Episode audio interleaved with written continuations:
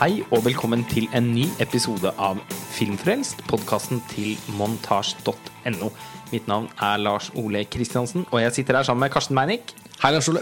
Vi er i Venezia fortsatt, Fortsatt. og har sett Mel Gibsons comeback som regissør, Hacksaw Ridge. Ja, og Det er jo det denne podkastepisoden skal handle om. Vi skal ikke snakke om flere filmer.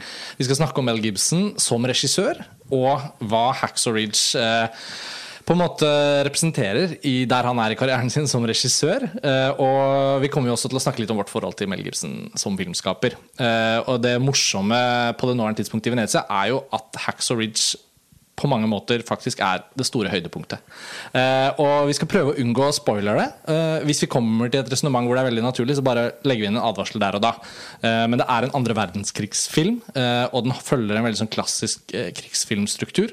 Så det er egentlig ingen sånne veldig store overraskelser, sånn sett. Det kan vi si. Men vi, vi legger det inn likevel, at vi, vi varsler hvis vi spoiler. Ja, fordi filmen er litt sånn at Hvis man gjør seg kjent med hva som er premisset for fortellingen, så er det ganske vanskelig å ikke forestille seg hva som skjer. Ja, og det er en sann historie, historie også, eh, så det skal vi komme videre inn på. Men Lars Ole, Mel Gibson som regissør. Det er jo et emne både du og jeg har som en slags eh, favoritt eh, En sånn dyrkelse som vi setter veldig pris på, som vi har det veldig mye gøy med. Men på en eller annen merkelig måte så har vi aldri endt med å snakke ordentlig om Mel Gibson som filmskaper på Filmfrelst. Eller i den grad ikke så mye på montasje heller. Nei, ja, og, jeg, og vi fikk jo heller ikke anledning i forbindelse med denne 90-tallskåringen vår. Fordi Nei. Braveheart endte jo da ikke opp med å være en av 90-tallets 100 beste filmer. Nei, og jeg husker det jo veldig godt. Vi satte oss jo ned med Braveheart, du og Ja, jeg. Fordi den var på vippen. Fordi det ble hele tiden sånn Braveheart er, Altså, holder Braveheart? Er den god nok? Vi hadde jo selvfølgelig et veldig nært forhold til den filmen da den kom på midt på 90-tallet. Det er veldig få fra rundt vår generasjon som og- ikke har det. Og nynne på musikken, og til og med, kanskje til og med sette på den tekno-remixen en gang innimellom. Men så så Det, det må jeg innrømme, det kan jeg ikke huske at jeg har gjort. ja, det har jeg gjort. Men vi satte oss ned med Braveheart, og den var jo faktisk en mild skuffelse. Ja, den var det. Uh, og det, vi fant ikke argumentene for å ha den med på 90-tallslisten. den var faktisk litt datert, uh, selv om den selvfølgelig også har noen sekvenser som er helt fantastiske. Hovedsakelig. og fortsatt er det, Ja, ja. Altså sånn eh, og slagscenen og sånn er nesten uovertrufne. Eh, Det er i hvert fall De er i hvert fall fortsatt Man kan jo Altså, de, de har jo vært veldig innflytelsesrike, rett og slett. Mm. eh, For tilsvarende liksom, historiske filmer og, og fantasyfilmer. Peter Jackson var jo veldig inspirert av Braveheart eh, da han lagde slagscenen i 'Ringenes herre'-trilogien. Så så jeg har veldig respekt for filmen fortsatt, men den, den hadde sånn Det lukta litt ost av den også, Ja, på en og- måte som, som jeg ikke sniffet på, på 90-tallet. Og det var på mange måter også et premiss for den 90-tallskåringen vår, som sikkert de fleste av lytterne våre har frist i minne. Hvis ikke så hadde vi altså en kåring av 90-talls 100 beste filmer for noen år siden. Eh, at vi skulle på, et eller annet måte, på en eller annen måte formidle filmer som kanskje ikke nødvendigvis hadde blitt så godt lagt merke til. Da. Så En film som Braveheart, som nærmest var en slags sånn pop-ikonisk film eh, midt på 90-tallet fra første øyeblikk, så har den på en måte Den har hatt noen sånn opp- og nedreiser, føler jeg. Og, og der og da så måtte vi bare se den. eh, og, og gjøre en vurdering. Så den kom ikke med på listen. Eh, det betyr ikke at uh, Braveheart ikke har en plass i hjertet mitt. eh, Nei ja, fortsatt hos meg òg. Ja. Men det var liksom helt Det var ganske åpenbart, syns jeg, at den filmen, på tross av sine innlysende kvaliteter, ikke helt eh, eh, holdt Holdt stand sett med dagens øyne. Og det var et veldig viktig premiss for eh, Eller Altså, det var en av, et, et viktig kriterium Mm. som vi brukte når vi vurderte disse 90-tallsfilmene. Vi så jo altså flere hundre filmer på nytt igjen. Ja. Og, og, det var jo veldig viktig for oss at alle filmene som vi så, ikke bare skulle ha nostalgisk verdi, men faktisk tåle dagens eh, lys. Ja. Men en, en annen film eh, som da heller ikke ble en del av 90-tallsdiskusjonen, var jo Mel Gibsons debutfilm, som også var en film fra 1990-tallet, som heter 'Mannen uten ansikt'. Og vi kunne jo bare kort eh, ta, bare snakke oss kort gjennom hvilke filmer det er Mel Gibson har regissert. For det er ikke sikkert alle følger Jeg har fortsatt ikke sett byen, debuten eh, hans, Karsten, men jeg vet at du har sett den opptil flere Ja, ganger. jeg har et veldig nært forhold til eh, 'Mannen uten ansikt', som er Mel Gibsons regidebut. Der spiller han også selv en av de to hovedrollene, og det er en sånn klassisk sånn um, ja, Det er liksom USA på 60- eller 70-tallet, hvis ikke jeg husker feil. Eh, en ung gutt. Han castet Nick Stahl, som mange kanskje husker fra Terminator 3. Mm. Eh, så han ble brukt i en del filmer. Eh, han er en sånn barnestjerne, har gått dårlig med nå, da. Men han ble funnet og oppdaget til denne mannen uten ansikt. Han spiller en gutt som er sommerferie og må klare en eksamen for å komme inn på en sånn militær videregående som faren hans har gått på. Men han har, har ikke noe kontakt med faren som forsvant ut av livet da han var liten. Så han har, mangler veldig sånn farsskikkelse i livet sitt. Og så på i denne lille sommerbyen som, eh, sånn, i Massachusetts eller et eller annet sånt sted, du føler sånn Stand by me-aktige omgivelser.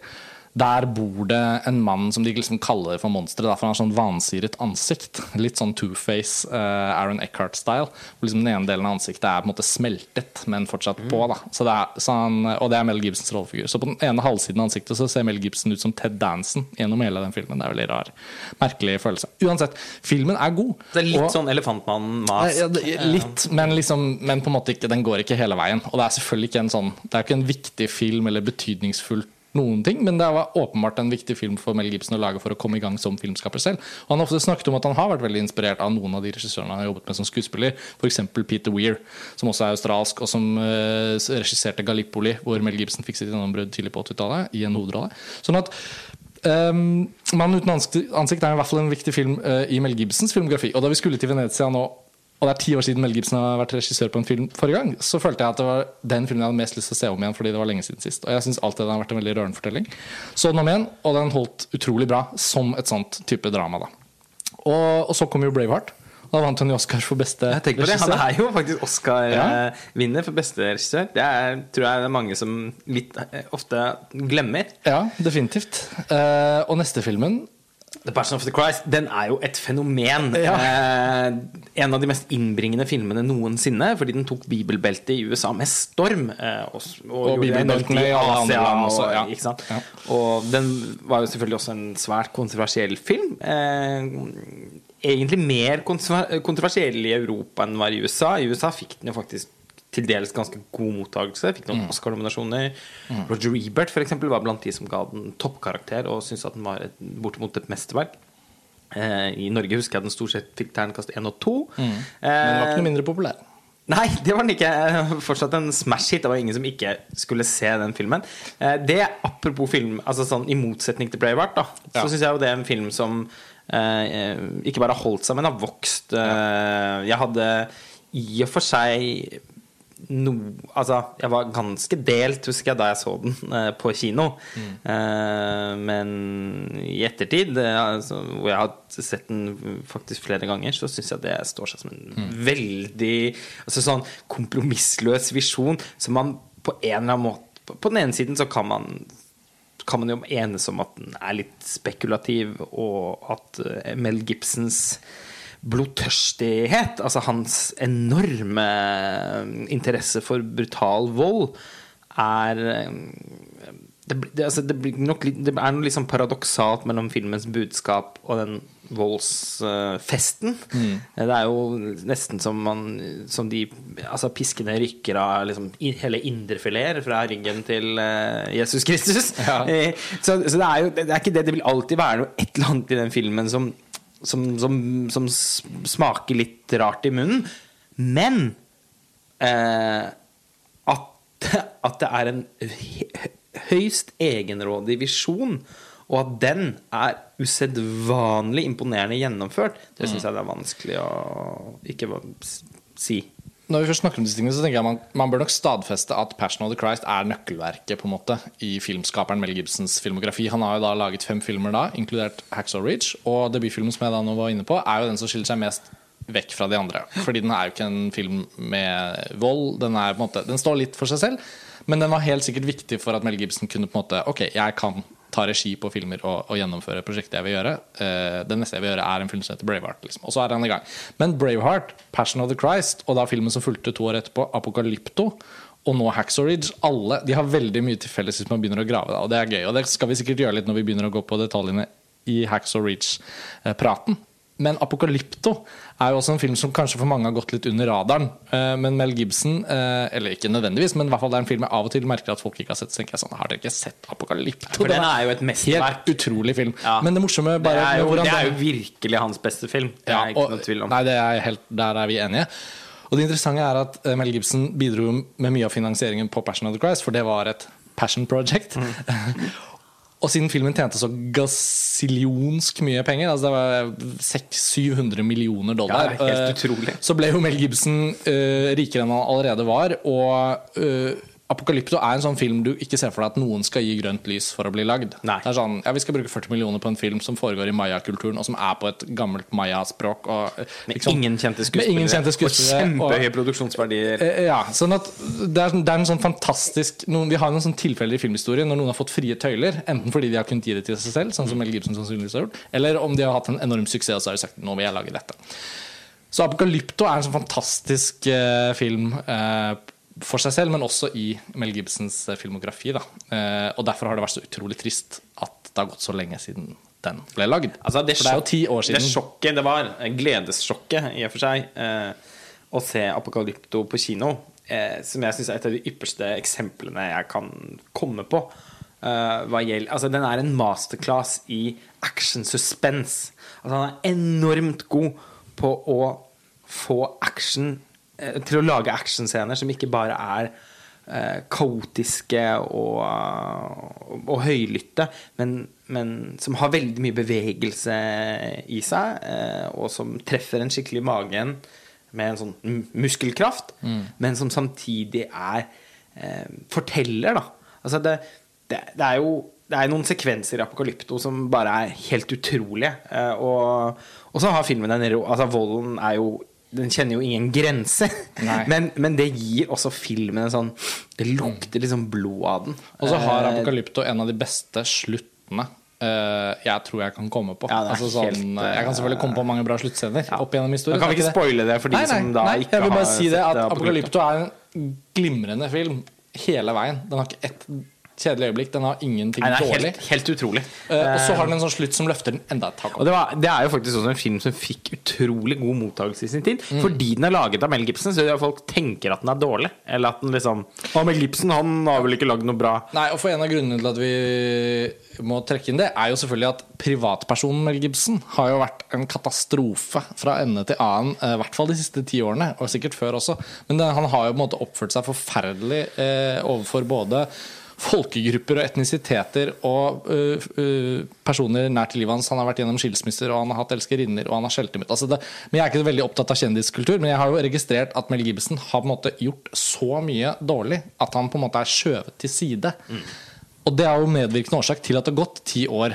Eh, han skulle lage en vikingfilm med, som virket helt fantastisk. Hvis noen kunne reddet eh, vikingtidsperioden fra en eller annen form for forbannelse som hviler over dem Det blir jo liksom ikke laget bra vikingfilmer. Nei. Så ville det vært Mel Gibson. Og Leonardo DiCaprio var klar for å gjøre hovedrollen. Og prosjektet kollapset. Og sannsynligvis var det noen som fikk kaldføtter òg, fordi Mel Gibson gjorde det var fordi Leonardo DiCaprio trakk seg Ja. i lys av Mel Gibsons oppførsel. Fordi Ja. Leonardo DiCaprio måtte verne om sitt image. Ja. kunne ikke Så han gjorde The Revenant isteden. Ja. Kan man kanskje tro. Men det leder oss opp til det faktum at Mel Gibson endelig har laget en film igjen som regissør. Endelig. Og Ja. det var jo da eh, på, altså, virkelig en av de filmene vi hadde størst forventninger til i Venezia. Først og fremst fordi at vi var så nysgjerrige. Altså, det, det skal jo sies. Når man har hatt en så lang pause som filmskaper, så kan det ofte være litt vanskelig å komme seg opp på hesten igjen. Eh, og, Mm. Ja, for det er ikke sånn at Mel Gibson har gjort kortfilmer og sånn i mellomtiden.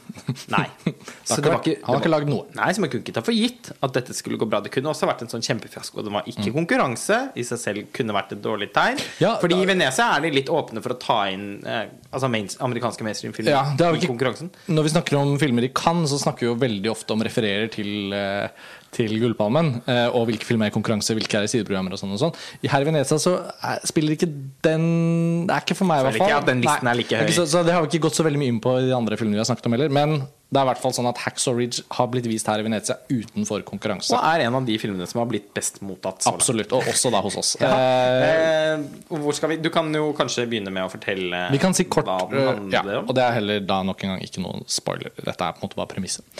Andre verdenskrig, eh, mai 1945. Det går mot slutten, det vet jo ikke alle. Japanerne har ikke gitt seg, i hvert fall. Og amerikanerne kjemper en veldig blodig krig i Stillehavet. Det er jo TV-serien The Pacific, eh, Thin Red Line, eh, Windtalkers med Nicholas Cage og John Woo er jo da filmer, filmer og TV-serier som, som har tatt for seg noe av det samme krigsscenarioet. Hacksaw Ridge er på samme måten en film som utspiller seg da i Stillehavskrigen som eh, amerikanerne kjemper med japanerne. Og mesteparten av dramaet når filmen er en krigsfilm, utspiller seg da på Okinawa. Og der er det en sånn bratt skr skråning, kan man si, eller en slags klippe, som da heter Hacksaw Ridge. Altså heter filmen Hacksaw Ridge. Og der forsøker amerikanerne å slå japanerne tilbake. Og japanerne holder ut eh, enormt godt, og det dør hundrevis, tusenvis av amerikanske soldater. Filmen starter lenge før, fordi den følger en spesifikk soldat som eh, som heter Ja, nå har jeg glemt navnet til rollefiguren. Men han spilte Andrew Garfield, og han er en kristen, ung mann som vil verve seg for å, fordi han oppriktig talt vil delta i krigen og kjempe, sånn at eh, de gode vinner mot de onde. på en måte. Så får man i hvert fall veldig inntrykk av i starten av filmen. Men han har pga. opplevelser i oppveksten bestemt seg for at han ikke skal bære våpen. Han Eller bruke vold. ja, han nekter å ta liv, så han vil være en medic i krigen. Og eh, første timen av filmen eh, går egentlig på drama rundt hvordan hovedpersonen skal få, få, få delta i krig uten å ville drepe. Så den diskuterer jo et ganske interessant moraletisk prinsipp, men ut fra en veldig sånn kristenkonservativ verdikjerne. Og man vet jo hvor Mel Gibson står, så filmen har på en måte en handling og en tematikk som man hele tiden må diskutere litt med seg selv mens man ser filmen. Det er, det er et slags utgangspunkt, kan man si. Det er det. eh, Og, Og den andre timen så er det krig. Ja. Og, og det, det er jo på en måte den første timen som etterlater mest som bismak. Eh, man kan si at han på egentlig helt sånn forbilledlig vis Altså, Mel Gibson er en god historieforteller. Han, han er den sånn klassiske skolen. Han kan liksom fortelle en historie sånn som John Ford kan gjøre det. Og eh, Så sånn sett kan, altså, så kan man si at store deler av den første akten egentlig er eksemplarisk. Eh, det risses opp. Vi blir Altså, vi får vite Han heter Desmond Doss. Jeg kom på det nå. ja, Desmond Ikke Doss. Ja, ja. Ja, og det er et ganske morsomt sånn filmnavn òg. Desmond Das. Das. Mr. Das. Private Das. Det er veldig mye av det. Ja, stemmer. Desmond Das. Okay. Eh, men først så får vi noen eh, raske liksom, tilbakeblikk til barndommen hans, eh, og noen hendelser som altså, påvirker hvilken person han blir når han blir eh, ung voksen. Eh, han er en far som har vært i første verdenskrig, og som er Preget. veldig preget av, av det, som drikker og er voldelig. Han har også en bror eh, og, en, og en mor som eh, er veldig underkuet eh, mannen sin. Altså, det er noe litt sånn Men de er ikke en splittet familie. De Nei, for de er liksom ikke helt en dysfunksjonell familie heller. De samles rundt middagsbordet, de har noen, dyrker noen tradisjonelle verdier, kristne verdier. Det er jo på en måte noe sånn kristenkonservativt, og ikke minst eh, veldig altså, Jeg vil si nesten sånn reaksjonært Ja. over denne Noe filmen. det, noe av det første vi sa da vi kom ut av den, var liksom oh, denne kommer til å gjøre det bra. Ja. I, i sånn dypet av USA. Ja. kommer til å Ja, den skal jo nå det samme beltet som eh, Ja. eh, Passion of the Christ eh, gjorde. Fordi eh, det er noe sånn Oh lord over, over altså, Praise thou Lord and ja, det er liksom sånn, det, det er litt sånn lys. Ja, og ikke med ironisk distanse. Nei, nei ironisk distanse fins ikke i den filmen. Nei. Det er liksom et sånn, litt sånn lys, et halleluja-lys, i den første delen, som kan være litt vanskelig å, å svelge. Eh, Det er også vanskelig pga. det visuelle. Den er ve veldig digitalt fotografert, og med veldig Som mye sånn Apokalypto var. ja, som også Apokalypto var. Mm. Men i motsetning til Apokalypto, så har den en, altså en estetikk som ikke føles eh, spennende. Den føles bare litt sånn Altså, det er noe sånn Nesten sånn Det er ikke det man blir slått i bakken av, for å si det sånn. Nei, men, men samtidig er det veldig vanskelig å ikke legge merke til den. Ja. Det er veldig mye bruk av sånn, nesten sånn overeksponert lys. Mm. Og det ser litt sånn glatt og underlig ut. Eh, og fordi at spillestilen så, og fortellermåten er så innmari gammeldags, så er det liksom sånn man tenker altså, Skal det være en sånn slags pastisj? Nesten parodi? Men det skal det jo ikke. Mm. Nei. Og det er også en kvalitet ved filmen. At den eh, Som sagt, eh, Mel Gibson er så gammeldags i sin måte å, å, å fortelle denne historien på at, så, at han nesten blir reaksjonær, da, som jeg sier. Eh, det, det er liksom eh, Det er en kjærlighetshistorie. eh, som oppstår mellom hovedkarakteren og en sykepleier som han umiddelbart forelsker seg i. Virkelig kjærlighet ved første blikk. Eh, og, som, Og det er troverdig. det er kjempetroverdig, fordi det er veldig god kjemi mellom skuespillerne. Mm, Teresa Palmer er det som spiller hun jenta. Ja. Og i motsetning til andre filmer vi har sett her nede altså vi, For de som hørte på den første podkasten vi lagde fra Venezia i år, så klagde, klagde vi veldig på at eh, skal, man, skal man bruke veldig mye tid på en sånn kjærlighetsfortelling, så er kjemien mellom hovedrolleinnehaverne nødt til å være virkelig god. Og det er den her. Og Mel Gibson tar seg ikke tid til å liksom dvele og gnu på kjærligheten. Den skal bare liksom effektivt etableres, sånn så at han skal ta, den, ta det med seg i, i, i, videre inn i fortellingen. Og et eksempel på den effektiviteten, bare om jeg får skyte det inn det, det er jo da selvfølgelig at etter å ha hatt en liten sånn eh, forførerisk fase dem imellom han, skal, han bestemmer seg abrupt for å gi blod på sykehuset fordi det er det hun jobber med, etc. Så går de på kino. Og da bruker han den scenen når de er på kino, til også å vise, og det er jo helt logisk i fortellingen, rekrutteringsfilmer fra det amerikanske forsvaret før filmen. Så da kan han umiddelbart gå videre i fortellingen på det at han verver seg. Uten å liksom kaste bort de det er, sånn, det er jo sånne små valg som akkumuleres gjennom en film, som gjør at man ser at man har med en storartet forteller å gjøre. Og etter hvert også da en, en stor visuell kunstner. Da. Ja, fordi det skjer jo det, det, eh, For det flate uttrykket vi må erkjenne at er der, Ja. det blir jo også litt, sånn, litt byttet ut etter hvert som det blir mer og mer krig. Det gjør det. Eh, samtidig så er det midten av filmen som er det svakeste partiet. Det må jo bare være sagt. Det er en sånn opptrenings-militærleirdel. eh, full metal jacket-style. Rekruttskole, på en måte. Ja. Som eh, ikke fungerer så bra. Eh, filmen har nok glimt i øyet. Utrolig nok så har den jo det òg. Ja. Ja, det er faktisk en del humor der. Ja, det er jo det. Og, og Ikke det alt vi lo av, men det var, det var jo en en Nei, måte men- humørfylt, kan man si. Ja, og det var flere ting jeg lo av. Ja, det Eh, så sånn sett, så selv om filmen ikke har noe ironi til sitt eget vesen som film, det har den ikke, eh, så kan den slå en spøk. Og, og mye av det fungerer ganske bra. Så sånn sett så syns jeg jo det derre Som sagt, den litt sånn varme tonen som var i den biten, kjøpte jeg litt. Det var bare fryktelig uspennende som film. Den varte heldigvis ikke så voldsomt lenge. Nei, og nok en gang så, så er det noe Det er sånn 20 minutter der som uh, fikk det. meg til å Men selv der, selv der så er Mel Gibson hele tiden orientert mot å fortelle historien og bringe den videre. Så på tross av at scenene ikke er på liksom, Filmen er ikke på sitt beste, så blir det jo litt sånn at man er man blir jo fortalt den historien. Og på det tidspunktet så er man så klar for å liksom følge han inn i krigen at, at man tar jo de scenene. Det er Ja ikke det at det liksom ikke Men det er definitivt filmens eh, minst spennende Det er den del. delen av filmen hvor jeg føler at det er ti år siden sist han har laget film. Altså sånn å, Det er Ja. noe av muskulaturen der som ikke Ja. er helt uh... Og en ganske liten rolle som likevel må være der.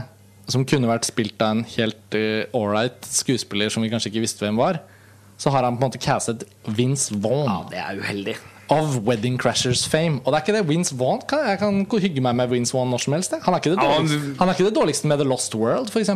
Men, men det er bare ikke riktig å ha han i den derre drill... Altså militærinstruktørrollen. Og man vil jo alltid trekke inn Full Metal Jacket når man snakker om sånne scener. Yes. Og det blir bare sånn oh, nei, ikke Vince Vaughn. Samtidig så blir det også sånn at etter hvert som han forteller historien, og de drar i krigen, så blir det jo litt sånn at ja, men den rollefiguren der har jeg liksom fått. Ja, og jeg fikk en, skjønner han fikk en, han fikk ja, en funksjon. Ja, og det er jo ikke noe sånn det er dead meat over det. Nei, for det er jo ikke et bortkastet minutt i denne filmen. Nei. Det er utrolig, Den er to timer og ti minutter lang, men enormt tight fortalt. Ja. I motsetning til det meste annet vi har sett der nede. Uh, ok, og så, da, så kommer de seg uh, Til Stillehavet, holdt jeg på å si. Til Okinawa. til Okinawa. Ja. Og da ser man denne, eh, denne klippen, da. Som, som bare ser helt utrolig ut. Mm. Eh, det er noe med at Mel Gibson har sjans for det her nesten sånn Altså Han har sans for å overdrive litt, Mm. sånn så, at, så det ser skremmende ut. Den er jo på mange måter Den andre halvdelen av filmen som, som kommer, er jo på mange måter en slags krigsskrekk.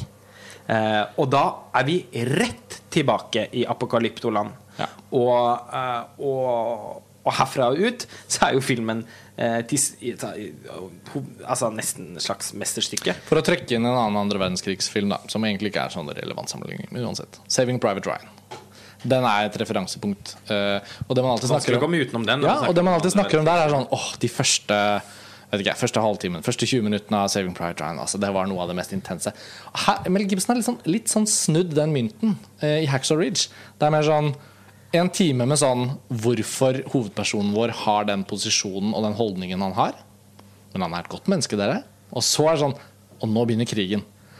Og Hacksaw Ridge blir liksom det motsatte. Det blir sånn derre uh, intens krig. Ja, har du sett den siste timen av Hacksaw Ridge, eller? Faen. Altså, det er, det er litt sånn i samme Vi har jo snakket om, Det var morsomt, det var en som hadde kommentert i kommentarfeltet på den første podkasten at det virker som mange filmene vi har sett her nede i år, er veldig fortunge. Ja, Altså, Det beste skjer i første, ja, Ja. første kvarter Eller Virker første som vi bare trenger halvtime. å se begynnelsen av alle filmene Ja, dere har sett ja. Venezia. Eh, morsomme eh, er jo at denne trenden fortsetter. Det kommer vi tilbake til i en senere podkast. Men Hacksaw Ridge er i hvert fall helt motsatt. Han er. Ja. enormt baktung. Ja. Og det er jo på bare positiv måte. Ja, altså. det er det virkelig. Det er jo altså, det eneste får er man jo- man skulle ønske at, at, at den delen på en måte var enda lenger. Det er ikke det. Man, man får ganske mye av det som Altså, man får mer enn nok av krig og vold. Ja, det er ikke men, sånn please, én eksploderende hjerne eller Nei. et japansk Men- selv, sånn kamikaze Men- men. Men likevel så er det noe med at han, altså, den delen hadde ikke hatt vondt av å ha kanskje noen pustepauser. Fordi in intensiteten var veldig, veldig høyt. De får ikke mer enn kommet seg opp øh, en sånn, tau, en sånn enorm sånn slags taustige opp på klippen, og så er helvete løs. Og da, ja. altså, da snakker vi. Det er liksom noe av det første som skjer, er at en blir en sånn Jeg har aldri sett lignende, nesten. Eh, en eksepsjonelt brutalt skutt i hodet av en kule som liksom nærmest bare eh, Bare får hodet hans til å eksplodere. Mm. Og så videre blir han skutt veldig, veldig, veldig veldig mange ganger i ryggen. Så liksom beinsplintene Mm. Ja, det er lapskaus Så det- style. altså, Det er sånn det er, altså, Man kaller det jo for exploitation. Det er, Eh, ja, det er en gore-fest ja, eh, på rett- en måte. Rett og slett. Eh, Det er noe et eller annet man nesten kan Så er det virkelig så fryktelig. Eh, For Mel Gibson er det det. Litt sånn som at man leste Bibelen og tenkte Ser du personen Jeg husker ikke alt dette fra altså, Selv om Bibelen er jo forferdelig. Og, og, og, og, altså, og vi snakker altså, Det er rotter som spiser av menneskeansikter. Ja. Det er larve, hvite larver som. Ja. Mm. tyter ut av øyehuler. Her er det virkelig helvetes foregår. Ja, det er det. Og, og, og, Og plutselig, kommer, altså, og plutselig er visualiteten meg, altså, sånn, på et helt annet nivå enn det den er i den første halvdelen. Absolutt. Eh, Jeg minnes jo selvfølgelig også fra 'Saving Private Ryan', som var den første filmen hvor man fikk et sånt forhold til sånn eh, Det kommer en kule og sneier hjelmen. Soldaten tar av seg hjelmen og tenker 'så heldig jeg var', og så, så kommer det en i panna, liksom. Hacks Hacksaw Ridge har liksom 200-300 av det der. det er liksom eh, Så man blir jo veldig sånn Ja, og eh, og, og her lever vi, og det er jo forferdelige scener. Det må sies at krigsscenen i Hacksaw Ridge er på en måte De er liksom, hva skriver man? Viseral, de er liksom intense og viserale og på en måte underholdende ut fra et rent sånn filmopplevelsesestetisk å si. Men grusomhetsfaktoren, den, den, den treffer også. Det er ikke på en måte bare sånn at man ser på det og bare Å, fy faen, fett at liksom Nei. Det er jo virkelig sånn at det, Det er en sånn veldig utrivelig kombi. Ja, det, og det er jo det verste, og det på en måte hermetegn det beste. Da. Ja, det er jo det. At man både sitter og Og, Og liksom litt der på kanten av setet. og, og, og underholdes av, av de ekstreme virkemidlene til Gibson, og det er bare det faktum at han ikke klarer å dy seg. Nei, nei. Eh, samtidig som han jo genuint også blir veldig forstyrret av hvor jævlig det er. Og så eh, Det er jo først en sånn 20 minutters lang sekvens, eller 20 minutter langt strekk, på en måte, med Det første angrepet. ja. Eh, med veldig mye armer og bein som fyker i alle retninger, og kuler og eksplosjoner. Og i det hele tatt fantastisk godt klippet. Ja. Altså, det må Vi må snakke litt om fagfolkene her. Det er jo utrolig gøy eh, med klippe, det klippemessige her. Fordi vi syns jo begge filmer var utrolig godt satt sammen og fortalt. Og da må man jo også trekke inn hvem er det Mel Gibson har jobbet med denne gangen. Og klipperen er altså John Gilbert. Og da kan man jo få litt frysninger på ryggen for noen av oss. eh, Mange av oss, kanskje. For det er da klipperen som sto bak eh, Ringens brorskap. Altså The Fellowship of the Ring. Første Ringenes herre-filmen sammen med Peter Jackson.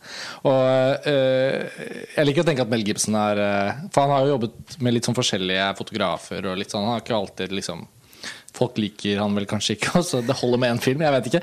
Men Altså, uansett. Dean Selmer på Eller er Semler på, Ja. på og Caleb de Chanel i hvert fall på, På Person of fotograf, Surprise. eh, John. Toll Ja. på Braveheart vant Ja. Oscar. Ja.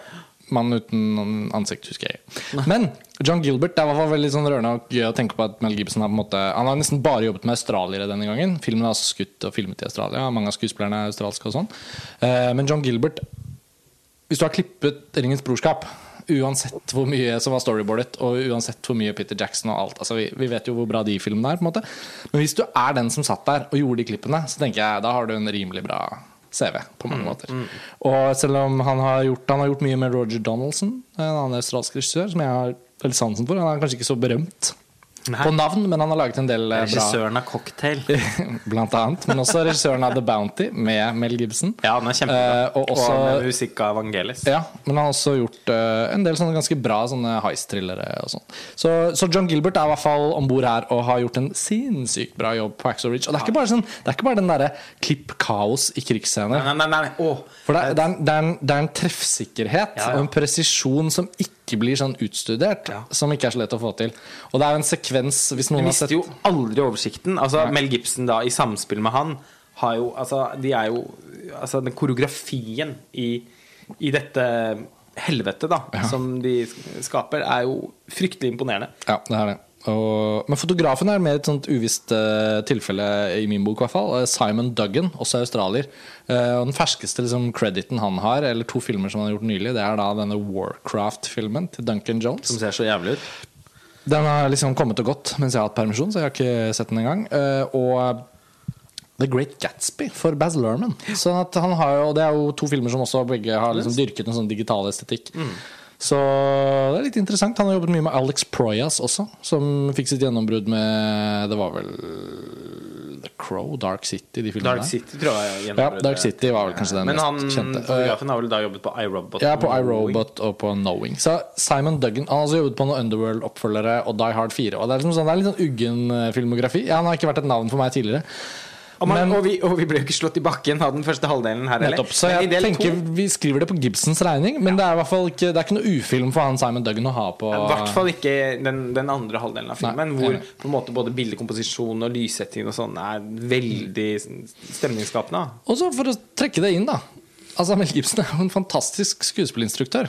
Ja. Det har det jo aldri vært noen tvil om. Eh, og her er det altså Andrew Garfield, vår, vår kjære venn fra The Social Network, som eh, blant annet eh, som, som han, han er jo en veldig fin fyr. Jeg tenker Han må på en måte bare få de riktige filmene, så kommer han til å spille dritten ut av film etter film. Men han er veldig spesifikk. Så han må på en måte brukes riktig. Og Mel Gibson har skjønt så innmari hvordan han kan få maks ut av Andrew Garfield. For han han, har skapt en sånn Jimmy Stewart-aktig figur. han er høy, tynn, hengslete. I Ja. hvert fall når han ikke hadde trent seg opp til disse fordømte When you think Spiderman-filmene. about James Stewart from Hitchcock's films, you know he talks like he cries all the time. Ja. Så, eh, og, og det gjør Andrew, Ja, Andrew Garfield kanaliserer jo egentlig James Stewart. Virkelig, jeg tenkte masse på James Stewart. Ja. Og, Og gjør en han- kjempejobb. Han, kommer, han burde jo egentlig bli Oscar-nominert. Ja, det blir han, tror jeg. Ja. Eh, i det, filmen er for morbid til å få nominasjoner for beste film og regi og sånn. Og det er et spørsmål om Mel Gibson kan dra den der comeback-narrativet i, i, i liksom award season. La oss se. La oss se. Jo, men altså at filmen kom, At eh, Garfield blir nominert, det tror jeg er ganske sikkert. Jeg tror nemlig denne filmen kommer til å bli en stor suksess. Det er på følelsen.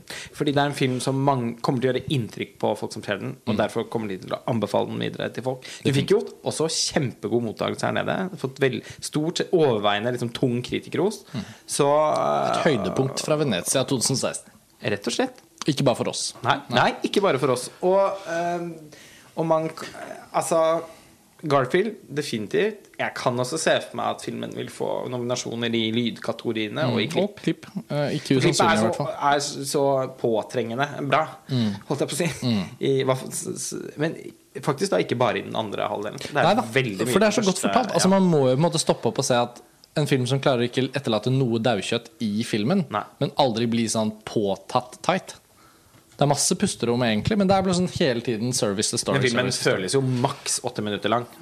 Ja, altså, jeg ville jo egentlig helst gjerne sett den igjen her nede hvis vi hadde mulighet. Nå, Den kommer jo garantert på kino i Norge. Det, Det er så en av de relativt få filmene som jeg med hånden på hjertet kan si at jeg skulle ønske at Jeg skulle ønske at jeg kunne gå i Altså at noen ting ville vært gjort litt annerledes i den første halvdelen. Og Ja. så skulle jeg ønske at den øh, var lenger, rett og slett. Men jeg syns det er til filmens fordel at den ikke er perfekt. På en eller annen måte så føler jeg at det det Det er ålreit. Ja, det gjør det. Og det er veldig sånn Ok, nå kan jo Mel Gibson huh, nå kan, Hvis han bare holder seg på matta nå, nå kan han jo lage en film Han sa jo det på pressekonferansen som vi var på. Så Ja, han var fremsto jo- veldig nervøs.